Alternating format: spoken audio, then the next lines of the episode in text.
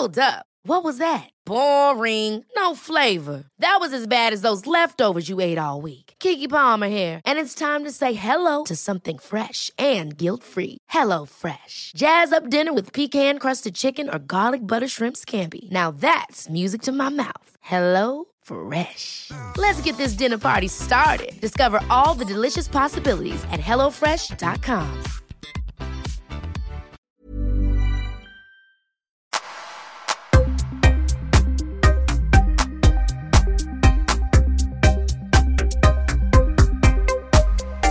Simon Waters Ogola, välkommen till Öppet sinne. Tack så mycket. Du, nu ska vi, och direkt kommer faran här också.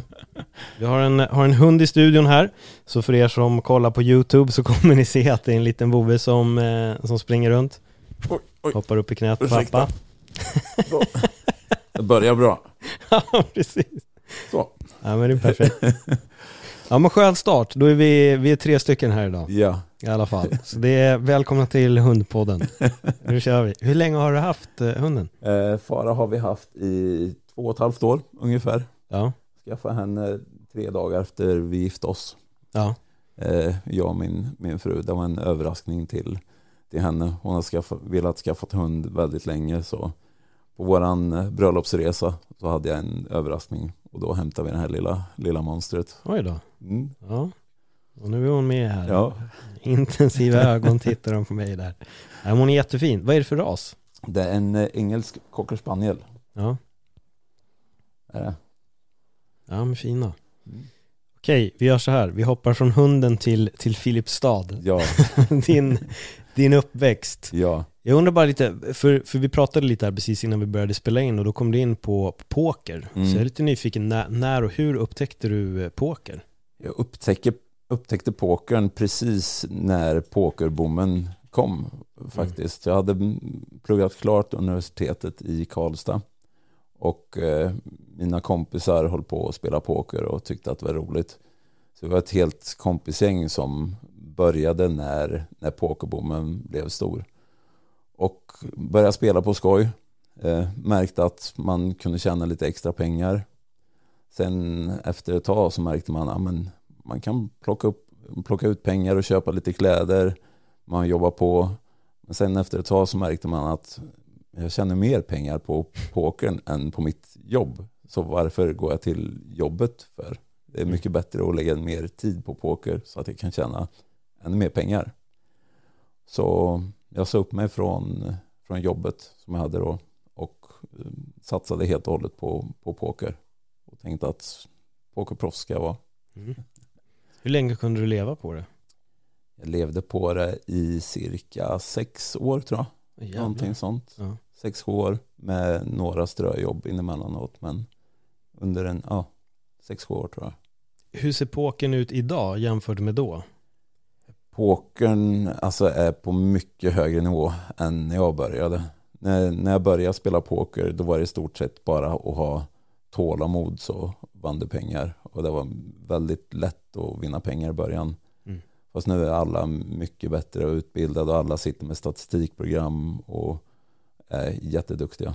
Så det, det krävs mycket, mycket mer att vara pokerspelare idag än när jag började. Mm. För jag, minns verkligen när den där boomen började, men jag kommer inte ihåg, vad kan det vara 10-15 år sedan eller?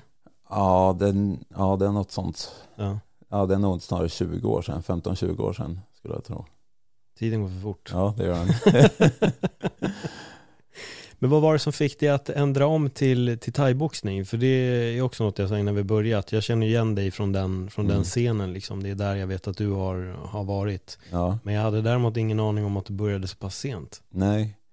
Jag upptäckte poker, eller poker, nu är jag inne på poker fortfarande. Thaiboxningen, eh, jag hade kollat väldigt mycket på K1. Eh, K1 var väldigt stort förr i tiden Mm. och såg de stora stjärnorna där och tyckte att det var jättehäftigt. Sen så var jag sugen att, att testa på, men i Filipstad så finns det inte eh, thaiboxning. Men så var, var jag iväg med mina pokerkompisar i Thailand och de hade börjat testa thaiboxning. Och då så hakade jag på och testade det och fastnade för det direkt. Så en semester på en månad där så körde jag 15 pass på en månad och så sen när jag kom hem då ville jag bara köra så mycket thaiboxning som möjligt. Jag ringde upp en gammal kompis som jag visste hade hållit på med thaiboxning och man ville träna med mig och åkte till Karlstad, pendlade sex mil för att börja, börja på thaiboxning i nybörjargrupp. Mm. Och Var bodde du då någonstans? Jag bodde i Filipstad ja, okay. fortfarande, ja. sex mil ifrån Karlstad. Så, så, du åkte in till Karlstad? Ja, för att börja. Så Karlstad Muay Thai startade min, min mm. thaiboxning. Vad, vad, vad sa du till coachen när du klev in? Jag ska ta över den här scenen. Nej, nej jag har alltid varit blyg så jag, jag var där och ville träna på och det var sjukt mycket folk på passen. Mm. Så första passet jag var på så sa de att de, de 30 första betalande får, får vara med. Så jag skyndade mig iväg till automaten, tog ut pengar och åkte tillbaka och betalade så att jag fick, fick vara med. Så tränade jag tre gånger i veckan och så sen så försökte jag få med min kompis och träna mig de andra dagarna i veckorna för att bli så bra som möjligt. Vad, och vad, vad, sa folk när du ville, alltså att du ville gå in och satsa på det här på det sättet? I Filipstad är det väl generellt en jantelagsmentalitet att man inte bör träna mer än vad man ska. Mm. Eh, och i, från att man gillar att festa på helgerna till att sluta dricka helt och hållet och ut, ut och springa för att få upp kondition och liksom satsa helhjärtat. Det blir också så här, men du, du är gammal, du, bör, du ska inte börja och satsa på en sport nu. Det är mm. idiotiskt. Men du gjorde det ändå? Jag gjorde det ändå. Ja. Och sökte mig till Stockholm för eh, jag och mitt ex eh, var på väg att flytta till Stockholm. Hon skulle börja plugga och jag ville till Stockholm för att testa och bli bättre på thaiboxning. Jag visste att det fanns bra thaiboxningsklubbar där. Så då ville jag komma till Stockholm, se om man kunde komma in på någon bra thaiboxningsklubb och, och bli så bra som möjligt. Mm.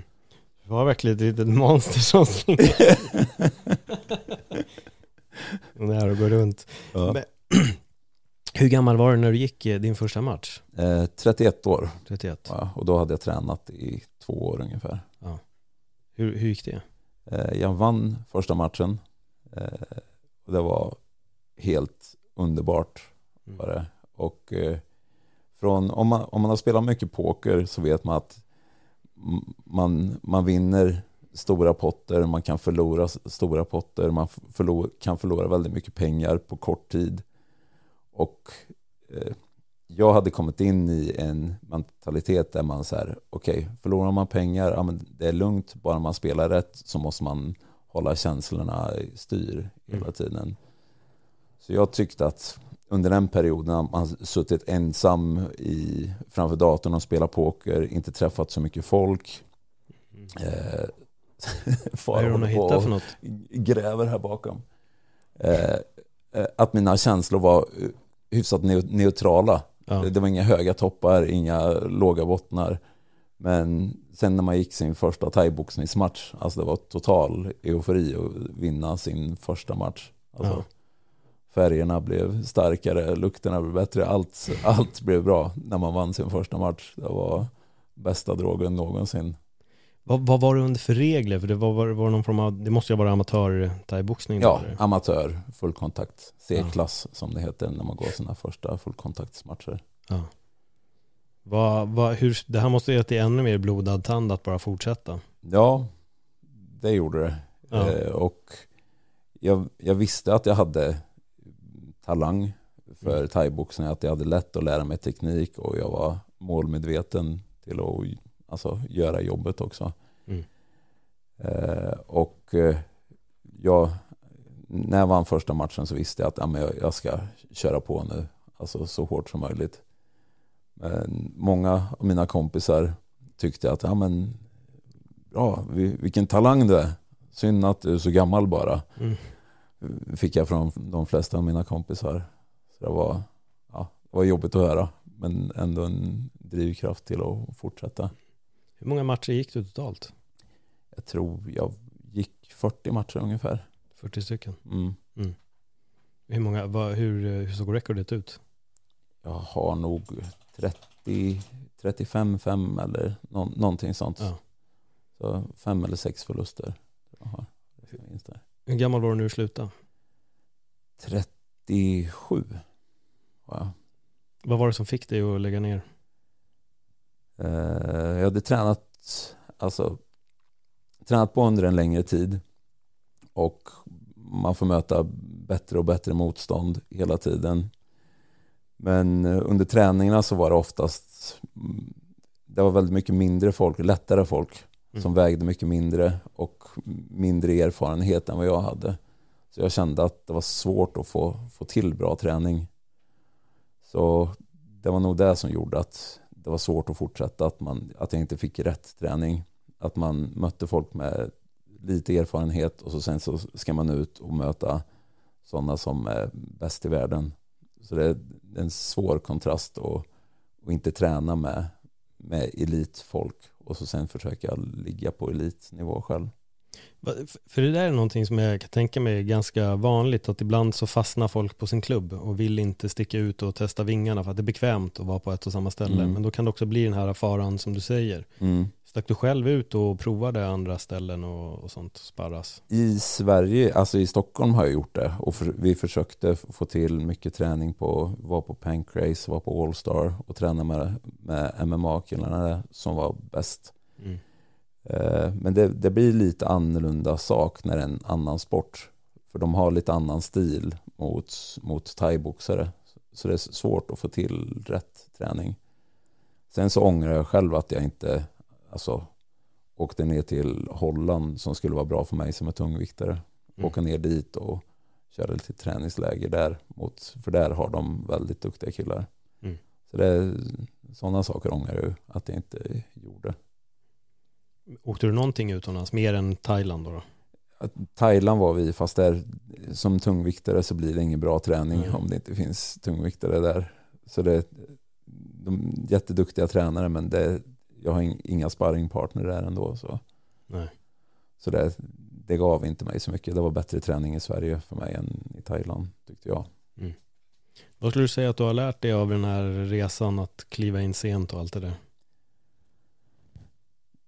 Jag tycker thaiboxning i sig alltså, är väldigt, eh, alltså det är en personutveckling. Att man, man får möta motgångar och kriga vidare. Och det, det är en tuff vardag att försöka vara fighter och, och träna hårt. Eh, och möta bra folk. Det är lång tid mellan matcherna och förlorar man matcherna så, så det betyder så mycket varje match i sig. Mm. Så det blir väldigt hårt nederlag när man, om man förlorar matcherna. Så är det väldigt långt till nästa match och, och får revansch. Så det, det krävs mycket av en för att ta, ta förlusterna och fortsätta och gå vidare. Vilket jag tycker är liksom att jag växt som person. På vilket sätt har du jobbat med det?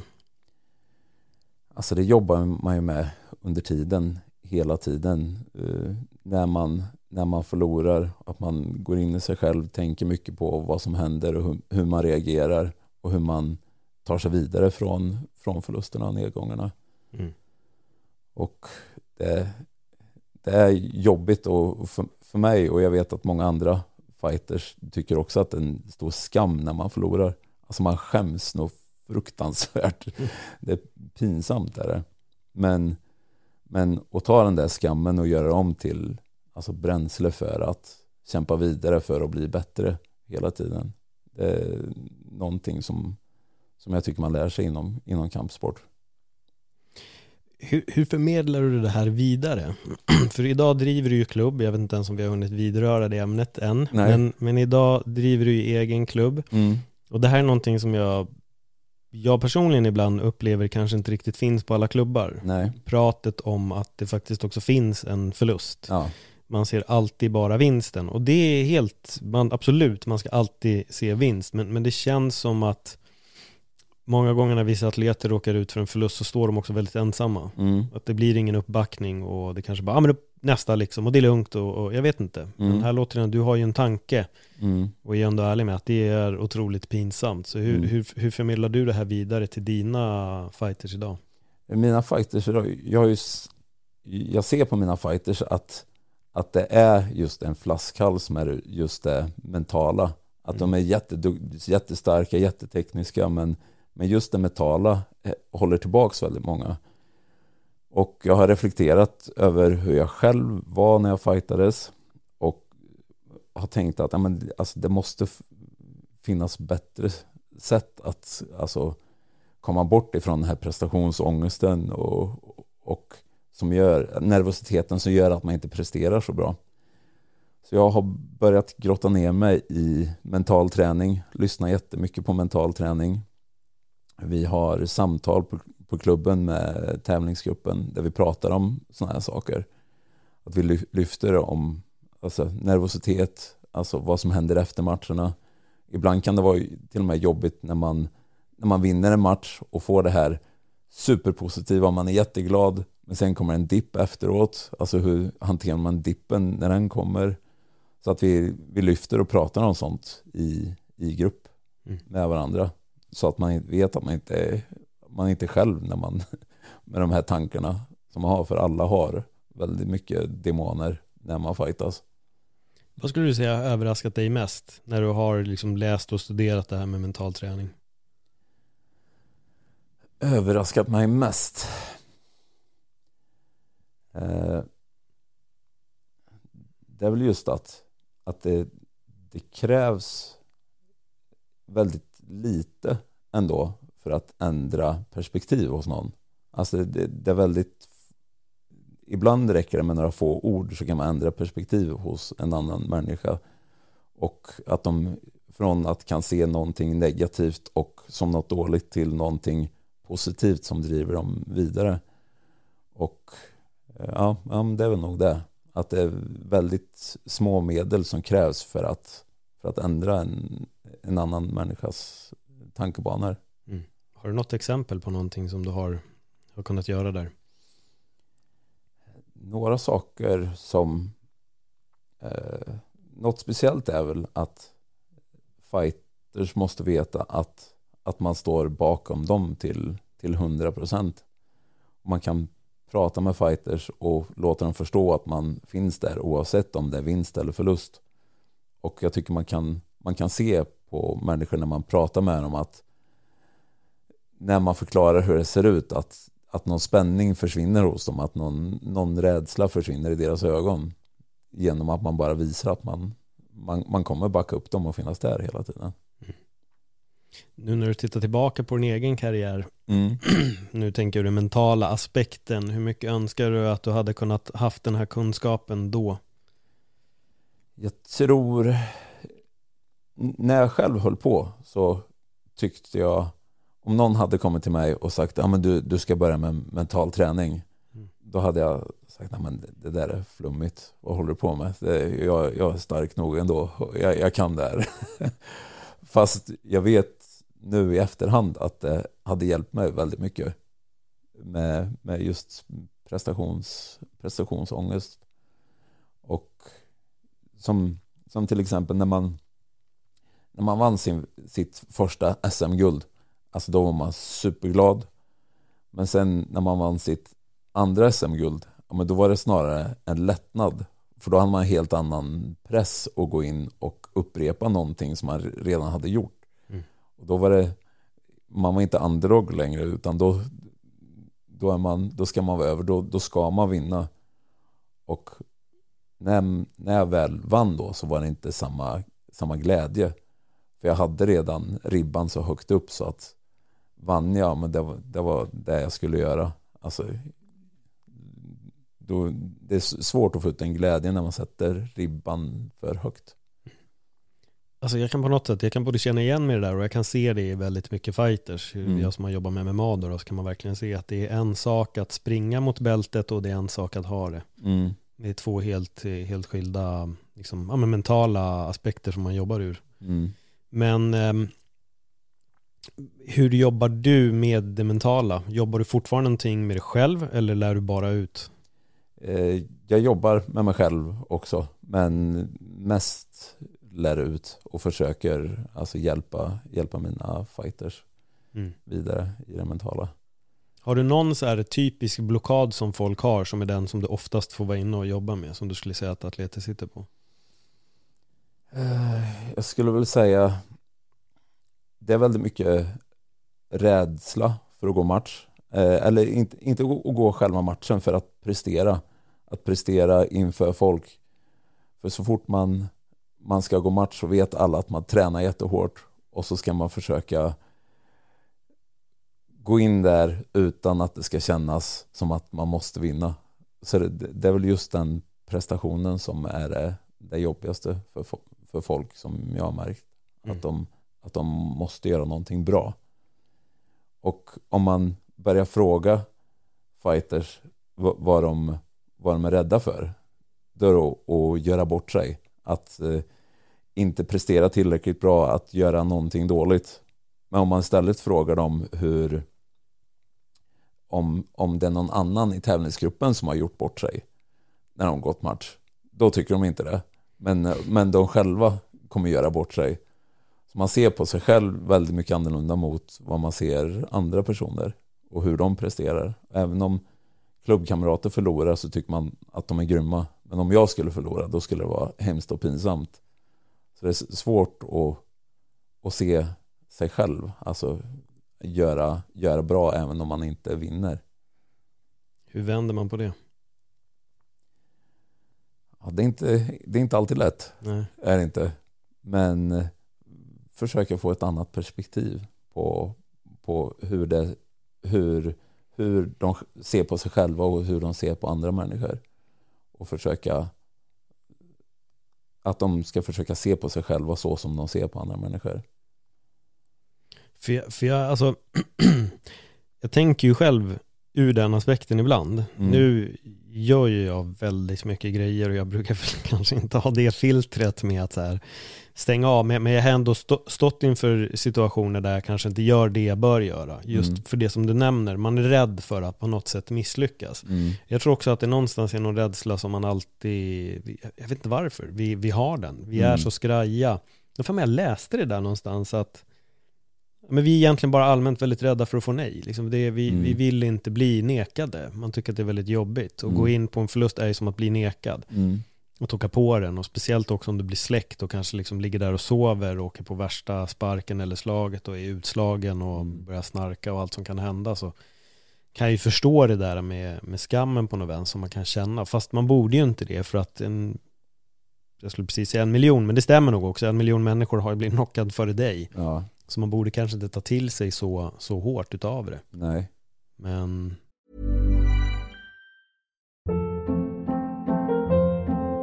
Hold up. What was that? Boring. No flavor. That was as bad as those leftovers you ate all week. Kiki Palmer here, and it's time to say hello to something fresh and guilt-free. Hello Fresh. Jazz up dinner with pecan-crusted chicken or garlic butter shrimp scampi. Now that's music to my mouth. Hello Fresh. Let's get this dinner party started. Discover all the delicious possibilities at hellofresh.com. Life is full of what ifs. Some awesome, like what if AI could fold your laundry? And some, well, less awesome, like what if you have unexpected medical costs? United Healthcare can help get you covered with Health Protector Guard fixed indemnity insurance plans. They supplement your primary plan to help you manage out of pocket costs. No deductibles, no enrollment periods, and especially no more what ifs. Visit uh1.com to find the Health Protector Guard plan for you. jag förstår att det är en tuff nöt att knäcka alltså. Ja. Hur skulle du göra? Ja, det är en bra fråga. Jag har ju, jag har gått en match i hela mitt liv. Jag, taekwondo. När jag var f- 15 eller 16 tror jag, gick jag en match. Kruxet med den matchen var ju det att jag hade ju koll på typ fighting. Men den andra taekwondo-matchen i hela mitt liv som jag såg och upplevde, det var min egen. Ja. Och det, alltså det är ju, det går ju inte att jämföra med någonting av det jag hade gjort innan. Sen hade jag en coach som tyckte att vi skulle börja sparra så här veckan innan. Ja. Men jag förlorade på poäng bara och jag torskade med ett poäng men jag fick noll. Så han lyckades sätta en spark här för mig i huvudet och mina satt aldrig riktigt med den där du måste ju klatcha när det är taekwondo, det ska verkligen låta. Ja. Men jag, jag tog inte åt mig av den, det var första matchen. Men däremot om det hade varit på ett annat sätt så tror jag nog att det hade kunnat vara jobbigt. Och jag tror också att det blir svårt när man har den här, eller när folk har den här mentala bilden av att jag är oövervinnlig. Mm. Jag kan inte förlora. För det är något jag har tryckt väldigt mycket på när jag har kommenterat MMA. Mm. Att när någon är obesegrad och helt plötsligt åker på första förlusten, ifall den förlusten är en brutal knockout, Mm. det kan vara sista gången vi ser den här fighten. Mm. Och där, är där kommer verkligen det här, hur har coachen jobbat med dem i det mentala innan? Mm. Hur har de pratat med dem om förluster? Mm. Därför har jag ofta lyft John Kavanagh som är Conor McGregors coach. Mm. För att han har pratat väldigt mycket om att även om vi förlorar Mm. så imorgon går solen upp som vanligt. Liksom din flickvän eller er partner kommer fortfarande finnas där. Er familj kommer älska. Allting kommer fortsätta som vanligt. Mm. Ni har bara åkt på er första förlust. Liksom. Mm. Men allt annat, liksom, världen har inte stannat upp utan det Mm. fortsätter. Och jag, jag, jag gillade att höra en coach, för jag har nog aldrig hört i alla fall MMA, en coach som har varit sett på förlust ur den aspekten. Mm. Win or learn. Liksom. Mm. Vi, vi vinner eller så lär vi oss. Och det där tror jag är så viktigt att göra, att ta med lärdomen av en förlust. Mm. Att kunna titta, vad, vad gjorde att vi förlorade? Att våga analysera det och kolla. Men sen tror jag det är väldigt viktigt att ha folk runt omkring sig ifall man åker på en brutal knockout som finns där och stöttar den. För det är väldigt många fighters som jag har sett försvinna från scenen totalt Mm. efter att de har åkt på en förlust. Ja. De kommer inte tillbaka. Nej men jag håller med och, och att man ser allting som en lång process. Alltså Mm. matcherna är en del i utvecklingsstegen till, till sitt bästa jag hela tiden. Och det, det finns inget, det är inte match och slut som du säger utan det, det är en del i utvecklingen. Mm. Och förlorar man, okej men då lär man sig mycket mer än, än när man vinner. Min, min första förlust lärde jag mig jättemycket utav. Och man, man, kan, man kan saker som man åker på själv i match som man förlorar på. Ja men det där gjorde han bra. Okej men alltså hur gjorde han det? Alltså varför gjorde han så? Eller hur, hur kunde jag inte försvara mig mot det?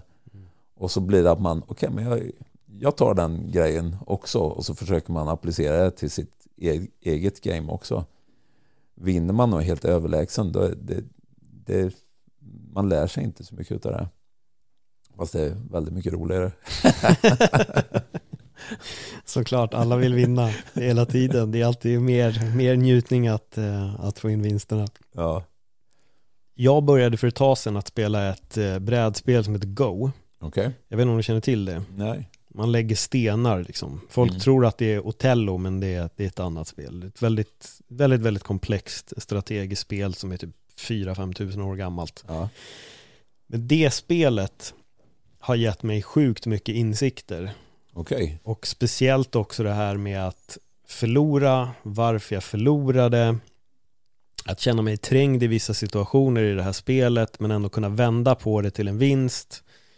Så där, där kan jag verkligen få den här känslan. Det är så sjukt när jag spelade spelet för jag kan känna att alltså pulsen stiger när det börjar bli intensivt i spelet. Mm. Jag kan spela vilket spel som helst och jag blir aldrig arg, men i det spelet när jag gör bort mig så kan jag bli så frustrerad. Hur kunde jag lägga den stenen där? Eller varför såg jag inte det här? För det handlar egentligen kort och gott så är det om att man ska ta territorium. Det är Ja. det det handlar om. Så man, må- man måste skapa territorium liksom. Mm. Men de som är duktiga kan verkligen krympa den där planen åt den och bara liksom ta död på allting som man försöker få ut. Mm. Och det har varit verkligen en så stor lärdom och där har jag verkligen kommit in i det där med att hitta marginalerna och även det här med att det är nivåer, det finns nivåer, liksom möta någon som är bättre än ens, försöka titta på vad gör de egentligen och varför varför kommer den här personen nu spöa mig? För man går i rankingsystem också. Okej. Men, men det har verkligen varit en riktig så här, alltså många livslektioner av det spelet. Ja. Vilket har varit helt fascinerande. Så jag har fått ett större förstånd för fighting också eftersom att jag inte fightas själv då. Mm. Eh, Men jag tycker det är intressant och jag tror verkligen som du säger, det är så viktigt att också kunna titta på förlusterna för att kunna bli bättre. Mm. För jag håller med där med att de gånger jag har åkt på en rad förluster, då har jag också börjat få ifrågasätta mig själv. Vad är det jag gör? Mm. Varför, varför kliver inte jag upp en nivå? Vad är det som gör att jag hela tiden står still här? Mm. Och då får man börja se om hela sitt game, så Mm. över allting. Att okej, vad kan jag ändra på? Mm. Var är mina luckor och vilka luckor måste jag täppa liksom? Mm. Jag kan tänka mig i fighting så är det ju en, det ett hav av det där. Ja, och det, det, det är samma som du säger, att, att när väl hamnar i stressade situationer, alltså hur, hur agerar du i stressade situationer? För den an, ens motståndare i Go också, som i thaiboxning eller kampsport, alltså kommer försöka sätta dig i stressade situationer hela tiden. Men att man ska försöka göra sitt, sitt bästa när man är som mest trängd och försöka göra bra logiska beslut när det är som absolut, absolut stressande. Mm. Och det är också en, en träning som man får, får träna på väldigt mycket. Att man försätter sig i, i väldigt dåliga situationer och ser hur man hanterar de situationerna. Och att man blir bra på, på stresshantering. Hur, hur, jobbar du med det, stresshantering? Det är egentligen ganska intressant, för det här är något som går att applicera utöver fighting, att mm. bara arbe arbeta med stresshantering. Mm. Hur, hur jobbar du med det? Eh, oftast är det när, alltså i situations, stressade situationer, att, att man försätter en fighter i stressande, stressiga situationer där de inte gillar att, att vara. Och vissa agerar på olika sätt, men sen när de, har, när de är klara med den situationen försöka bryta ner, okej, okay, vad är det som stressar dig? Eh, och, och försöka se vilka grejer som stressar en och vad man kan göra där. Så att man inte fastnar i känslan av att vara stressad. Utan okej, okay, vilka delar blir jag stressad utav? Okej, okay, den här personen ligger nära mig eller nu är jag rädd att få ett slag. Okay, men vad kan jag göra istället då? Så att det blir väldigt praktiskt istället för att det blir den här känslan att, att det bara okej, okay, oh, det här är jobbigt. Utan så, okej, okay, men vad kan jag göra i de här situationerna istället? Har du någon gång fightat, eller det är klart du har, men har det varit en situation i match där du har varit stressad, men i, din, i den stressen också kunna vända på det? Ja, eh, och det har väl varit, alltså man hamnar ju i, i, man hamnar i momentum tycker jag hela tiden när man, när man går match. Om man kommer in i ett bra momentum, då då flyter allting på jättebra. Man har bra tajming, man ser alla slag, man ser alla sparkar, man kan hålla, hålla sig borta. Men sen när momentumet vänder och eh, man själv hittar fel totalt, att man ska försöka komma ur det dåliga momentumet så fort som möjligt. Eh, för, för det kommer hela tiden gå, gå upp och ner hur, hur det går i matcher också. Mm. Och försöka hitta sätt att bryta det hela tiden. För de kommer varje, varje match. Har du haft den här sköna räkmackan när du bara glider in och allting flyter som det ska också i match? Nej. Ja, det är bra. Då har du haft bra motståndare.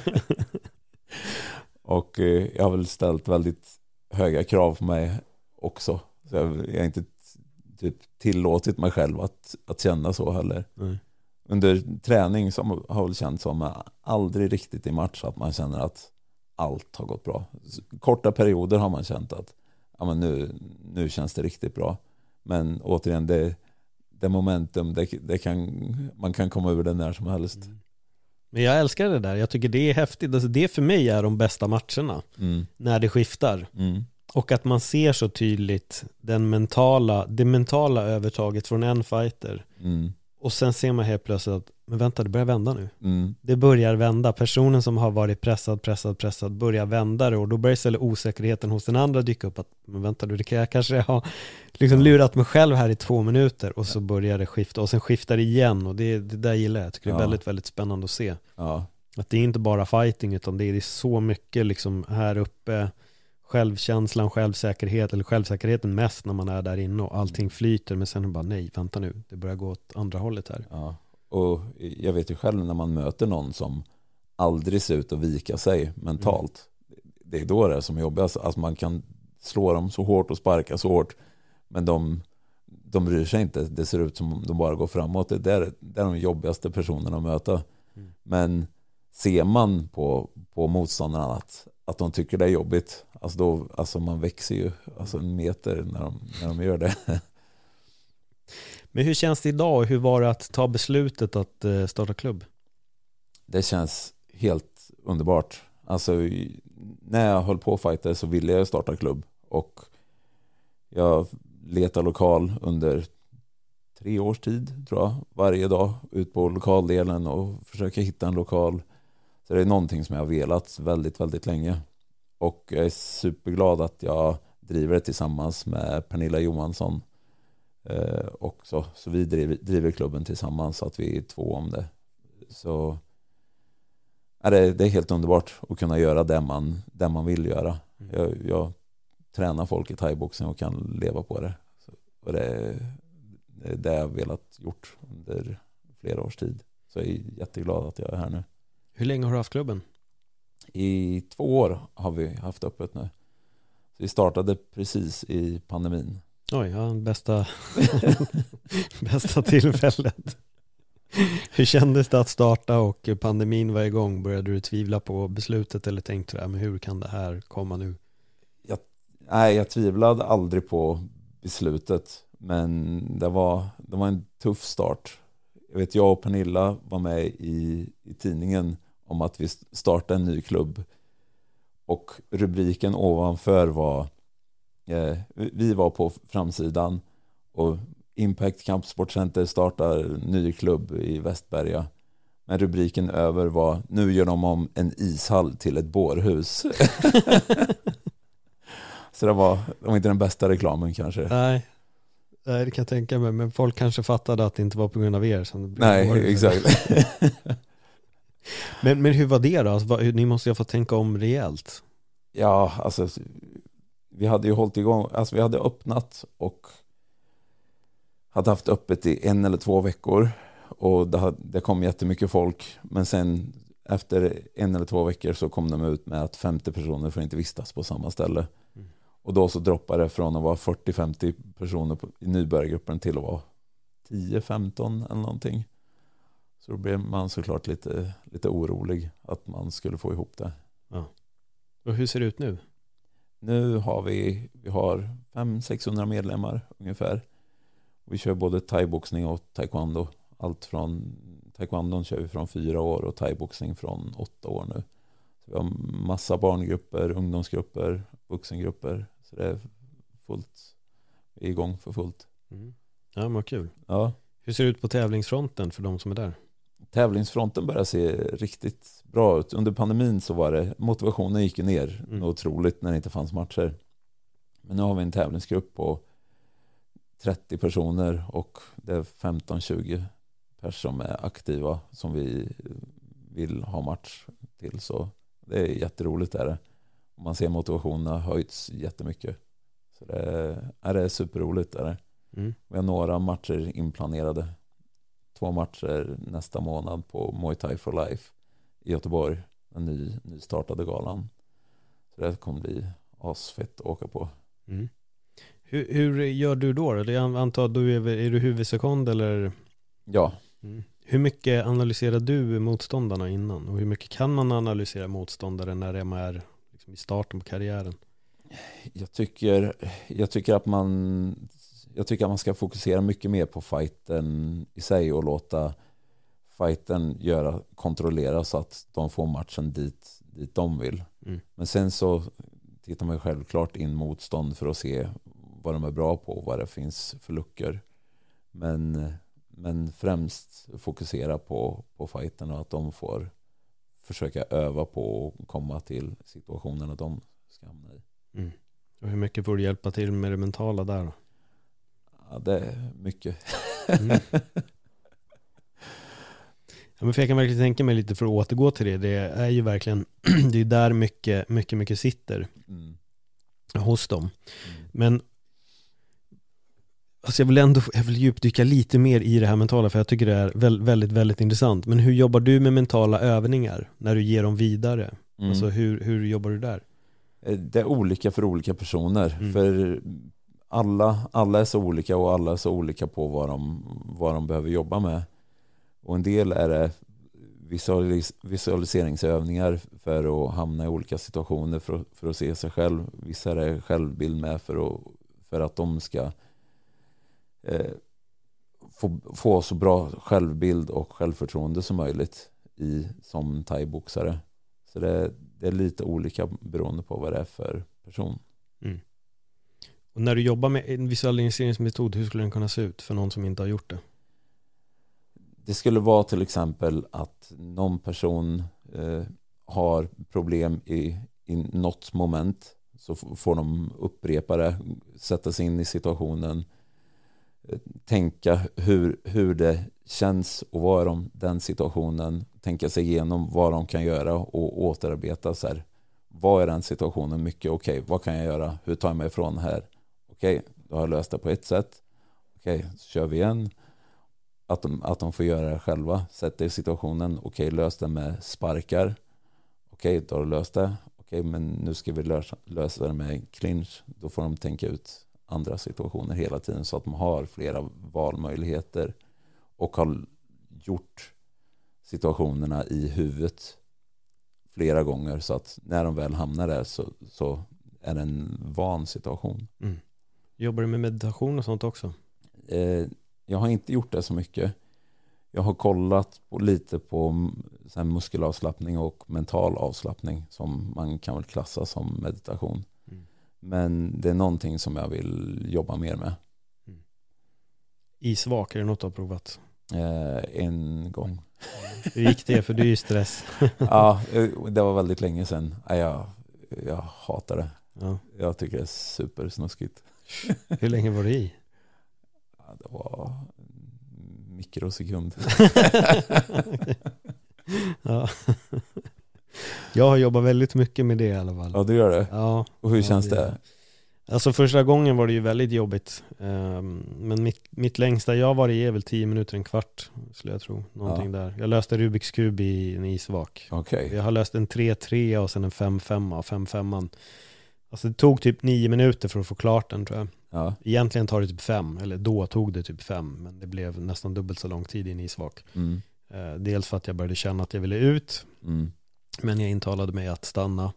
Och när jag hade löst första momentet på kuben så vart jag förvirrad. Mm. Så jag visste inte var jag skulle börja. För Mm. att det var en inre kamp i huvudet liksom med Ja. löskuben och samtidigt hantera alla känslor som kom i kroppen. Mm. Eh, Så då vet jag att jag bara satt och snurrade på kuben men till slut bara, okej, starta bara, fan. Och så liksom fick jag påbörja och lösa den. Men till slut så, så fick jag till det. Ja. Löste hela kuben var jag nöjd. Ja. Vad, säger- vad tycker du att det har hjälpt med, med det? Mycket. Eh, dels ett var jag väldigt frusen utav mig och det har ju försvunnit. Ja, Jag är inte alls lika frusen längre. okej. Men sen verkligen bara att ändra om, för det var en, jag tyckte han jag började bara isvak med var en yogi. Och då frågade jag honom, eh, när, när blev det varmt för dig att gå i? Liksom? Mm. När, när, när tyckte du att det inte var lika kallt längre? Då sa han att, han bara, det är aldrig varmt, men jag har accepterat kylan. Mm. Just det, fan det är där det ligger, det är ju bara acceptansen, det är ju bara det det handlar om. Ja. Så att när jag väl började kliva ner med känslan om att jag, jag vet att det kommer att vara väldigt kallt, bara den tanken förändrar ju alla isbad för mig efter det. Mm. Att förstå att jag kliver ner i kylan, inte att jag gör någonting och så kommer jag uppleva det nästan lite mer behagligt. Utan, Mm. Acceptera det som, Exakt. det, det som sker. ja, Ja. Och- Eh, Och, och, och det där ty, tycker jag eh, man kan se sam, samma sak har jag sett på fighting. Att Mm. man, man får acceptera saker innan man går in i ringen för att vara klar med det. Det kommer göra ont. Du kanske blir knockad. Alltså, det, det det är massa hemska saker som kan hända. Men jag är helt fin med det, att det kan hända. Mm. Så, men så fort man accepterat det så känns det mycket lugnare än att okej, men det här, det här kan hända. Att man inte vill att det ska hända, utan ja, men det kan hända. Och jag är helt fin med det. Nej, men det är verkligen, det är något jag har tänkt på mycket eh, om livet överlag, att allting egentligen handlar bara om att acceptera och nummer två är egentligen att släppa taget. Mm. Vi måste släppa taget om alla liksom, förutfattade meningar eller liksom förhoppningar om att allting kommer gå på ett visst sätt, utan det, det, det blir vad det blir. Jag tror att det är lite det vi måste finna oss i mer. Mm. Men just acceptans har jag fått jobbat jättemycket med och där har verkligen, alltså isvak har varit ett sånt sjukt bra redskap för Mm. det. Att kliva in i det här jobbiga och jag vet det var en fighter som jag intervjuade, Tony Ferguson, en UFC-fighter.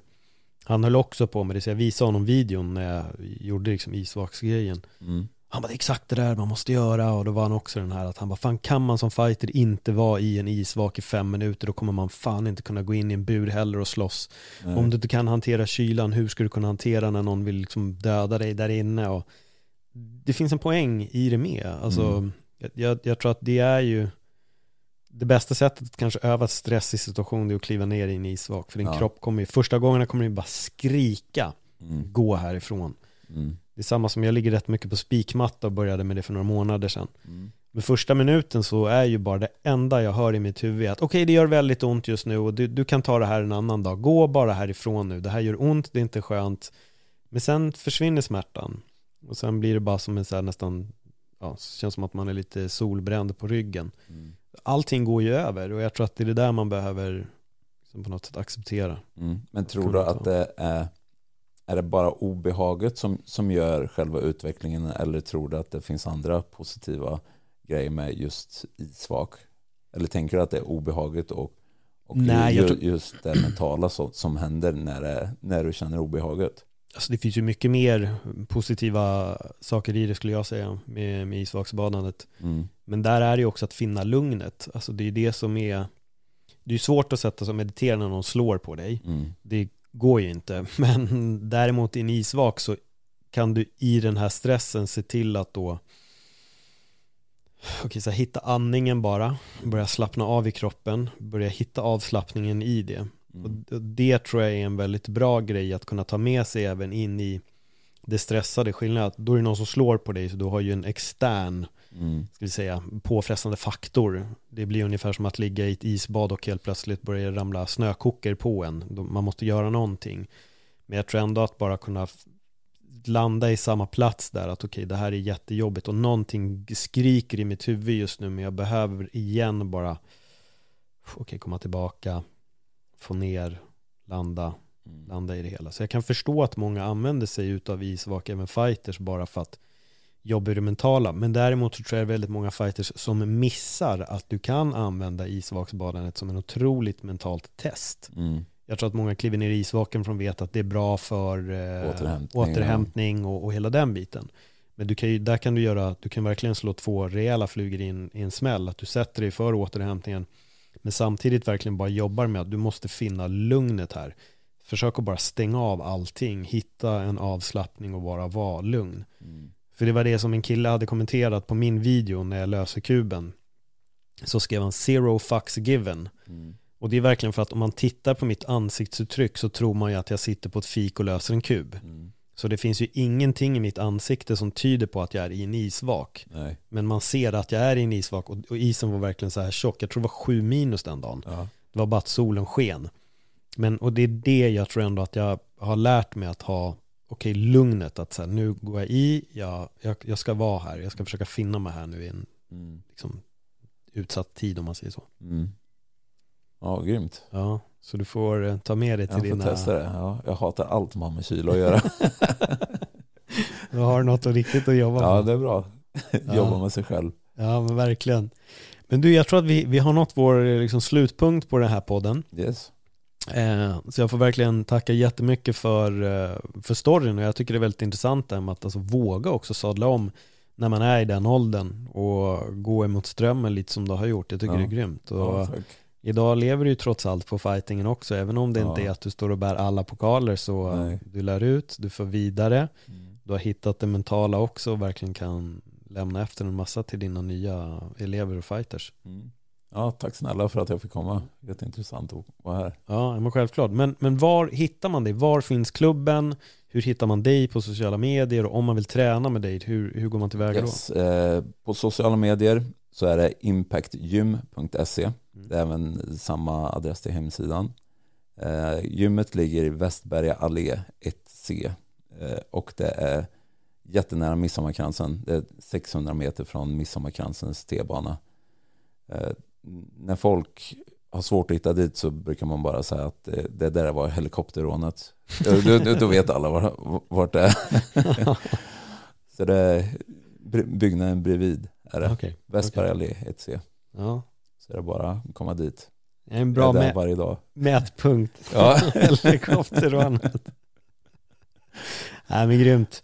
Det tycker jag definitivt ska göra. Kolla upp gymmet och följ, man kan ju även följa dig också på sociala ja, medier. eh, simon.ogolla.coach Ja. heter jag på Instagram.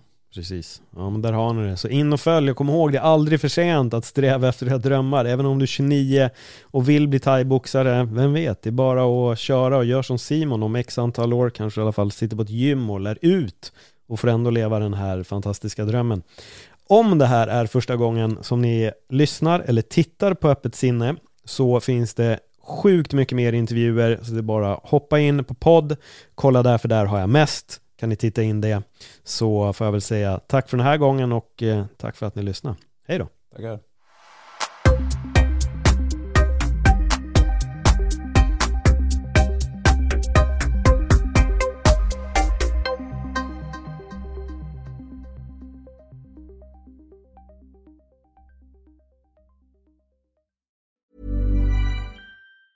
Ever catch yourself eating the same flavorless dinner three days in a row?